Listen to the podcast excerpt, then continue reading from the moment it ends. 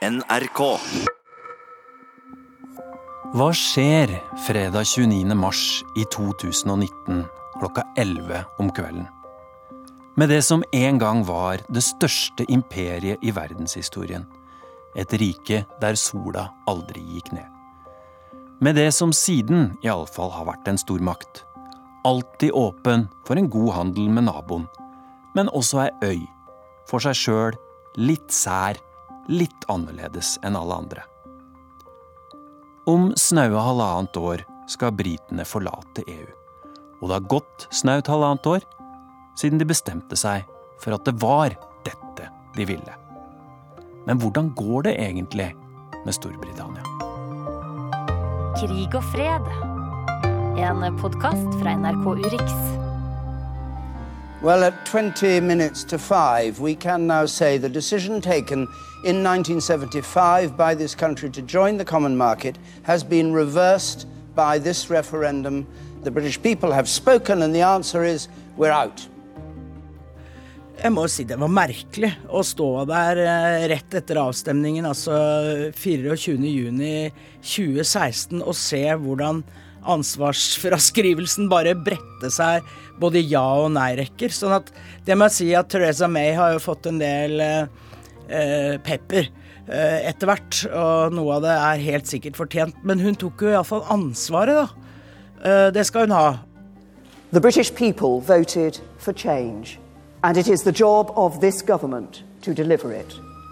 That means more than negotiating our new relationship with the EU. It means taking the opportunity of this great moment of national change to step back and ask ourselves what kind of country we want to be. Jeg heter Anette Groth. Jeg har jobbet i NRK i mange, mange år. Gikk av med sluttpakke for to år siden. Men eh, av det jeg jobbet aller lengst med, var Storbritannia, og også britisk politikk, selvfølgelig, da. Jeg var korrespondent eh, i London i nesten ti år. Og nå har du skrevet en bok. Hva nå? Min reise i Storbritannia i en brexit-tid. Ja, Men du har rett og slett gjort noe så enkelt og gammeldags som å reise rundt i Nord-Irland, Skottland, Wales og England og snakka med folk. Hvilket Ja. inntrykk sitter du igjen med? For det første så sitter jeg med, igjen med et inntrykk av usikkerhet. For det er jo klart at det var veldig mange som ikke visste hva som kom til å skje, og det var jo ikke noe rart. For når du holder en folkeavstemning om et så viktig konstitusjonelt spørsmål uten å ha to klare alternativer, uten å ha en eneste plan eh, B, helt sikker på å få ja i folkeavstemningen, så er det klart at når svaret da blir et annet, så oppstår alle spørsmålene. Og det syns nok jeg var eh, noe jeg opplevde hos de aller eh, fleste. Hvilke møter sitter sterkest igjen hos deg? Kanskje de jeg hadde i Nord-Irland. Det er jo veldig spesielt med Nord-Irland, som jo får EUs yttergrense over den irske øya. Um, jeg tenker på Barclay Bell, som var eh, leder for Bondelaget i Nord-Irland. Han stemte for å bli, men de aller fleste av kollegene hans, som eh, er konservative, protestantiske unionister i Nord-Irland, de stemte for å gå ut av EU. Og jeg spurte Barclay Bell hvorfor gjorde dine medlemmer det? Og da ristet han litt på hodet. For, for bønder i Nord-Irland så er det mange eh, fordeler ved å være med i EU. Eksempel så har de 87% av inntekten sin, altså nettoinntekten, kommer fra EU-subsidier. Men kanskje det aller viktigste, og dette har med denne grensen å gjøre Produkter, landbruksprodukter fyker over grensen. Det er helt som om det skulle være ett land. Lam fra nord går og blir, eh, blir behandlet i sør og sendt til Frankrike. Griser fra sør kommer til nord og blir behandlet. Det er sånn at det er en helt sømløs grense, og det er det ingen som tror at det kan fortsette å være når EUs yttergrense kommer over der. Så har du presten, katolske presten, som har jobbet for ja, fordi han mener at den grensen at den er sømløs, at den etter hvert vil sørge for at man får et forent Irland. Drømmer om ett Irland. Ja, det, ja. Men han fikk alle rutene i huset sitt knust en kveld. Sånn at så hardt gikk det for seg der. Og akkurat det med Nord-Irland er helt spesielt pga. denne grensen. Jeg vet ikke, altså De politikerne som har sittet i London og andre steder og jobbet med dette her, jeg tror ikke de har vært på den grensen. Den er 500 km lang. Det er 280 veier over den. Og da jeg nettopp var der, så kjørte vi fra en liten by som ligger da i republikken Irland i sør. Kjørte 200 meter ut av byen. Da var vi plutselig i Nord-Irland. Kjørte 200 meter til, så var vi tilbake i republikken. Altså på en strekning på to kilometer så krysset vi den grensen seks ganger. Tenkte jeg skulle håndheve dette. Den har jo vært stengt før. Det var jo under det som heter Troubles i Nord-Irland fra slutten av 60-tallet til 1998. Da stengte jo den britiske hæren, og det var checkpoints og alt det der. Det er det jo ingen som vil ha tilbake. Men hvordan man skal kontrollere den nå, det, det tror jeg ikke noen skjønner. Og jeg tror at en del av politikerne nede i London hadde hatt godt av å ta seg en tur til den grensen og se hvordan det ser ut. Men sånn overordna England stemte for å forlate EU. Skottland stemte for å bli.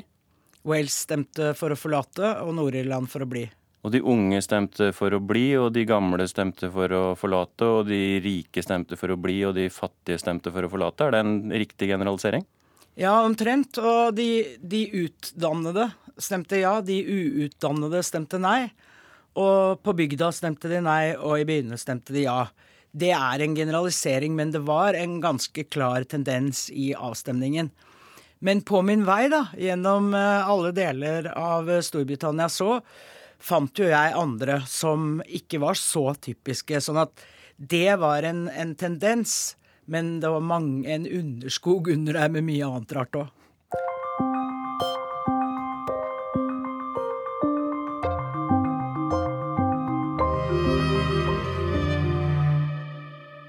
I've been uh, living in the UK for nearly 25 years. Um, I'm originally uh, French and Italian, and I also am Canadian.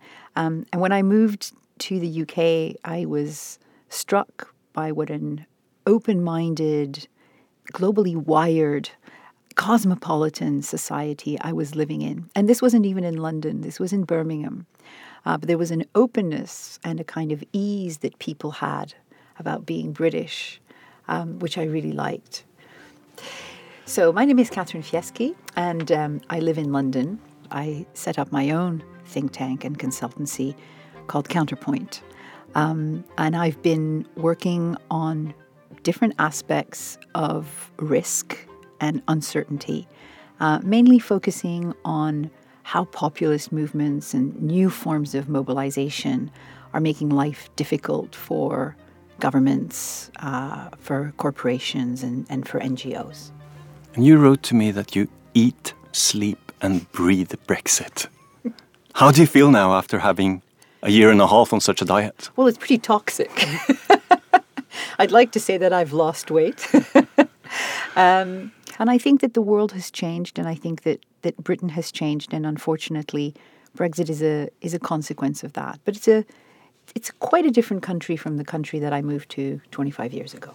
I just read in the New York Times that uh, nobody knows what Britain is anymore. Is the country in a sort of identity crisis? I think that um, I think that it is in an identity crisis. Um, you know, I, as somebody who who feels very much at home there, um, after June of 2016 and the referendum, I had moments where I thought that this was not at all the country that I thought I knew. And when I spoke to my British friends, they actually said the same thing back to me. And they said, Well, we're British, and this isn't the country that we thought we knew. Um, so I think that, yeah, this, this betrays um, a sense of, of, of profound uh, crisis. Now, what's interesting about it is that a lot of the people who, who did vote to leave the EU would tell you that they're actually very, very clear on what Britain is, um, and that Britain was in danger of no longer being Britain.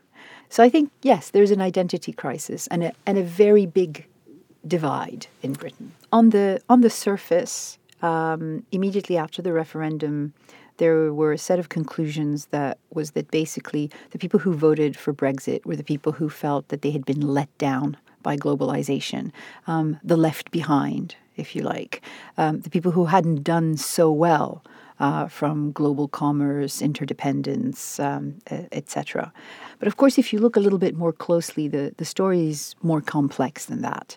And I think what's interesting about it is that actually the socioeconomic divide is a little bit more blurred than we think, um, in that there are, uh, you know, strong pockets of people who who actually are economically doing quite well, but still not at ease with these kinds of major changes in Britain. And so there's an argument there to say that actually they feel culturally excluded rather than economically excluded. And the two don't necessarily coincide.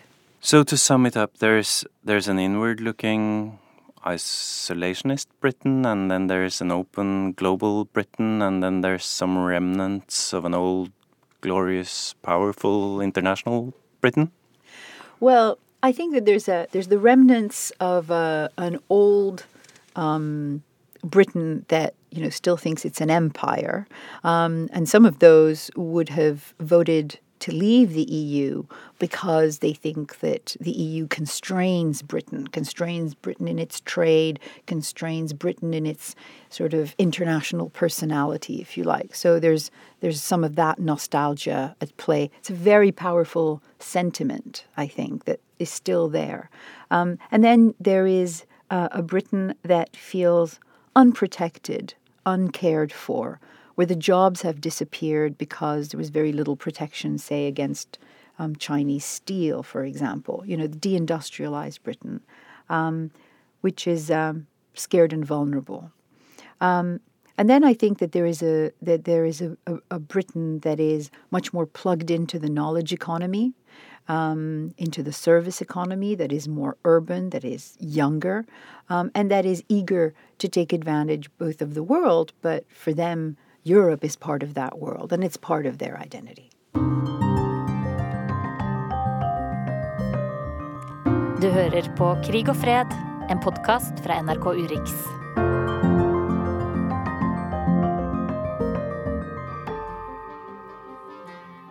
Surely the Foreign Office is pro-Europe, isn't it? Yes and no. if you'll forgive the expression. The Foreign Office is pro-Europe because it is really anti-Europe. The civil service was united in its desire to make sure that the common market didn't work. That's why we went into it. What are you talking about? Minister, Britain has had the same foreign policy objective for at least the last 500 years to create a disunited Europe. Dette er sjølveste sir Humphrey Appleby fra den britiske komiserien Ja vel, statsråd på 1980-tallet. Hvor han på sitt eh, snedige vis forklarer de virkelig lange linjene i Storbritannias europapolitikk. We had to break the whole thing up, so we had to get inside. We tried to break it up from the outside, but that wouldn't work. Now that we're inside, we can make a complete pig's breakfast of the whole thing. Jeg tror det er en ganske treffende beskrivelse egentlig av Storbritannia. Tror det er noe i det som mange briter kanskje identifiserer seg litt med. Det sitter langt inne for briter å skulle forholde seg til at eh, noe bestemmes langt unna der de sitter. Makten ikke skal ligge helt og holdent i Storbritannia selv. Surely we're all committed to the European ideal. Really, minister? Jeg liker EU, men uh, tror rett og slett at de var litt sånn halvhjerta på det fra, fra dag én. Ja, jeg heter Eline Storeide og er student ved Kings College eh, London. Og fra mars til juni 2016 blir det vel, jobbet jeg for uh, Volt Liv, som var den offisielle kampanjen for å ta Storbritannia ut av EU. Du kjørte rett og slett rundt i nei-bussen med Boris Johnson. Nå halvannet år etterpå, da, hvordan vil du beskrive stemningen? Avventende, vil jeg si. mange kjeder seg og syns det er en kjedelig debatt fordi det ikke har skjedd så mye. Mm. Um, og så har du de som sier at nei, nei, det her kommer til å gå helt fint.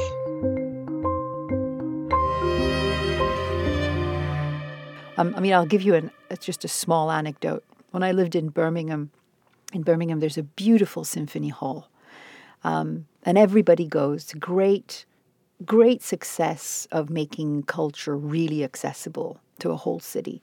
It's a beautiful place, and everybody thinks that Birmingham built it. Behind the building, in the shadows, near a telephone box where you can barely read it, it says this building was built with the structural funds of the European Union. Nobody ever tells the people of Birmingham that that's who built the Symphony Hall. Um, I think that, you know, the politicians missed a trick there. but the story in Britain is that they give more than they get out of the EU. Well, the story in Britain is that they give more than they get out. Um, but the problem is that no one's ever really wanted to calculate how that how that works. Um, I was I was sold a mobile phone contract the other day, and the guy who sold it to me said, "And now, you know, we give you free roaming in Europe with your contract." I said, "You don't give me anything. The EU gave me free roaming. but again, you know. The companies here did exactly the same, and they didn't have a choice. They were obliged to do it, weren't they? They were obliged to do it, exactly. But, but you would be hard pressed to find a Briton in Britain that, that knows this. So, how are we actually calculating what we're getting out? I meet people who say, but we voted out, why are we still in? You know, so they, they thought the next morning it would all be over. Um, and then on top of that, we have a prime minister who is in a position of weakness.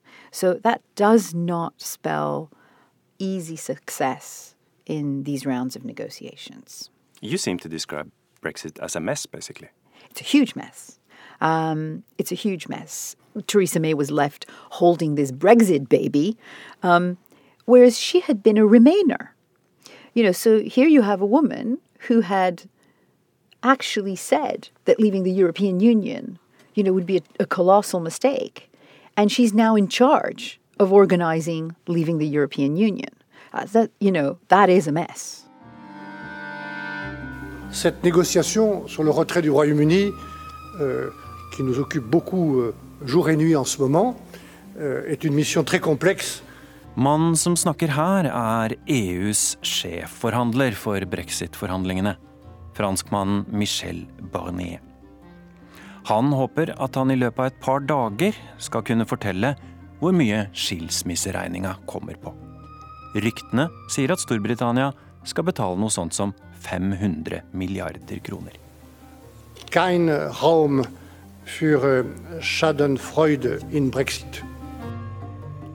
Anette Groth, hvordan foregår disse forhandlingene om britisk utmeldelse egentlig? De foregår jo da mellom eh, de som er utpekt til å forhandle på vegne av Storbritannia, og, og motparten på, på EU-siden. Men det mest eh, jeg vil si nesten oppsiktsvekkende er jo at det har gått et halvt år. Og de er jo ikke kommet noen vei. Det var tre store spørsmål som måtte avklares tidlig. Det ene var hvor mye det skal koste å melde seg ut av EU, altså hvor mye Storbritannia skal betale inn.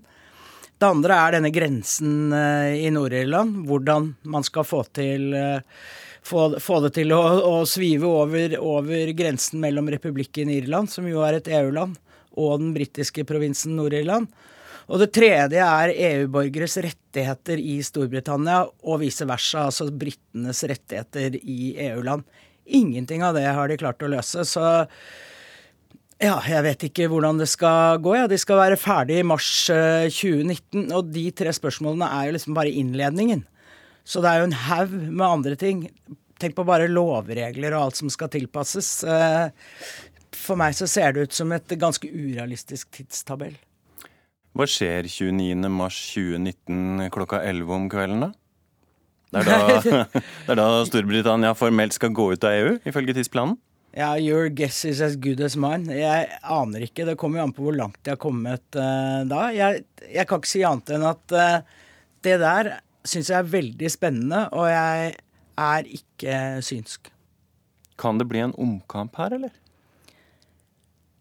Du skal aldri si aldri, men jeg tror jo egentlig ikke det. Fordi um, da vil det jo bli et ramaskrik, tror jeg, blant dem som har stemt eh, nei og stått veldig sterkt på det. Og slik det har vært uttrykt fra den britiske regjeringen og i eh, iallfall eh, flertallet i det britiske parlamentet, så er brexit brexit, og man skal ikke ha en ny avstemning. So where are we heading? Well, I think it's you know it's difficult to know at the moment. Um, if we take a very micro perspective, Um, there was a sense in which, you know, progress in the negotiations needed to be made in October. They weren't. Now they really need to be made in December. Everyone hopes that they will be made and that potentially in January the talks can properly start. Um, the talks about what the trade relationship with the EU will look like for, for Britain. Potentially things can go wrong. what could go wrong? What are the biggest stumbling blocks, basically? Um, the biggest stumbling blocks uh, would be, you know, an even weaker uh, government, where our European Union partners may not feel that there's any point making a deal with a prime minister who may not be in power for very long. There are those who argue that there's the possibility of things going so badly that actually um, you could rerun a referendum or you could put the decision uh, uh, to the people about the deal that's been clinched and, and actually, in a sense, not go through with Brexit. I think that's highly unlikely. Um, but but you know some some people argue that there's still a very marginal chance that that could happen. Um, there are people who argue for a second referendum now because things are going so badly.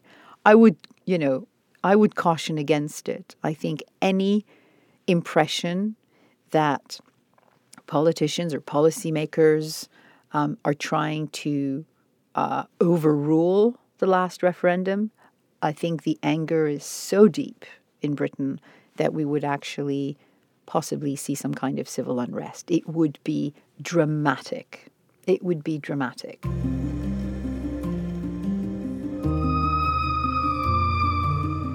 Det er jo mange som spør meg om hvordan det vil gå med Storbritannia. Går det nå helt utfor med dem? Og da tenker jeg da må man, da må man tenke litt lenger, da. Det er, det er 40 år pluss i EU. Eh, det er ikke mer. I historisk sammenheng er jo det mindre enn en parentes. Og jeg har såpass stor tro på verdiene i det britiske samfunnet at eh, de kommer seg opp igjen. Det kommer til å gå dårlig en stund, det tror jeg, men så kommer de seg opp igjen, og det går nok bra. Fint, det. Hvis du først skal ha en konklusjon. Ja. Men det hørtes ut som en konklusjon. Ja. Stakkars deg som skal redigere det. Ja.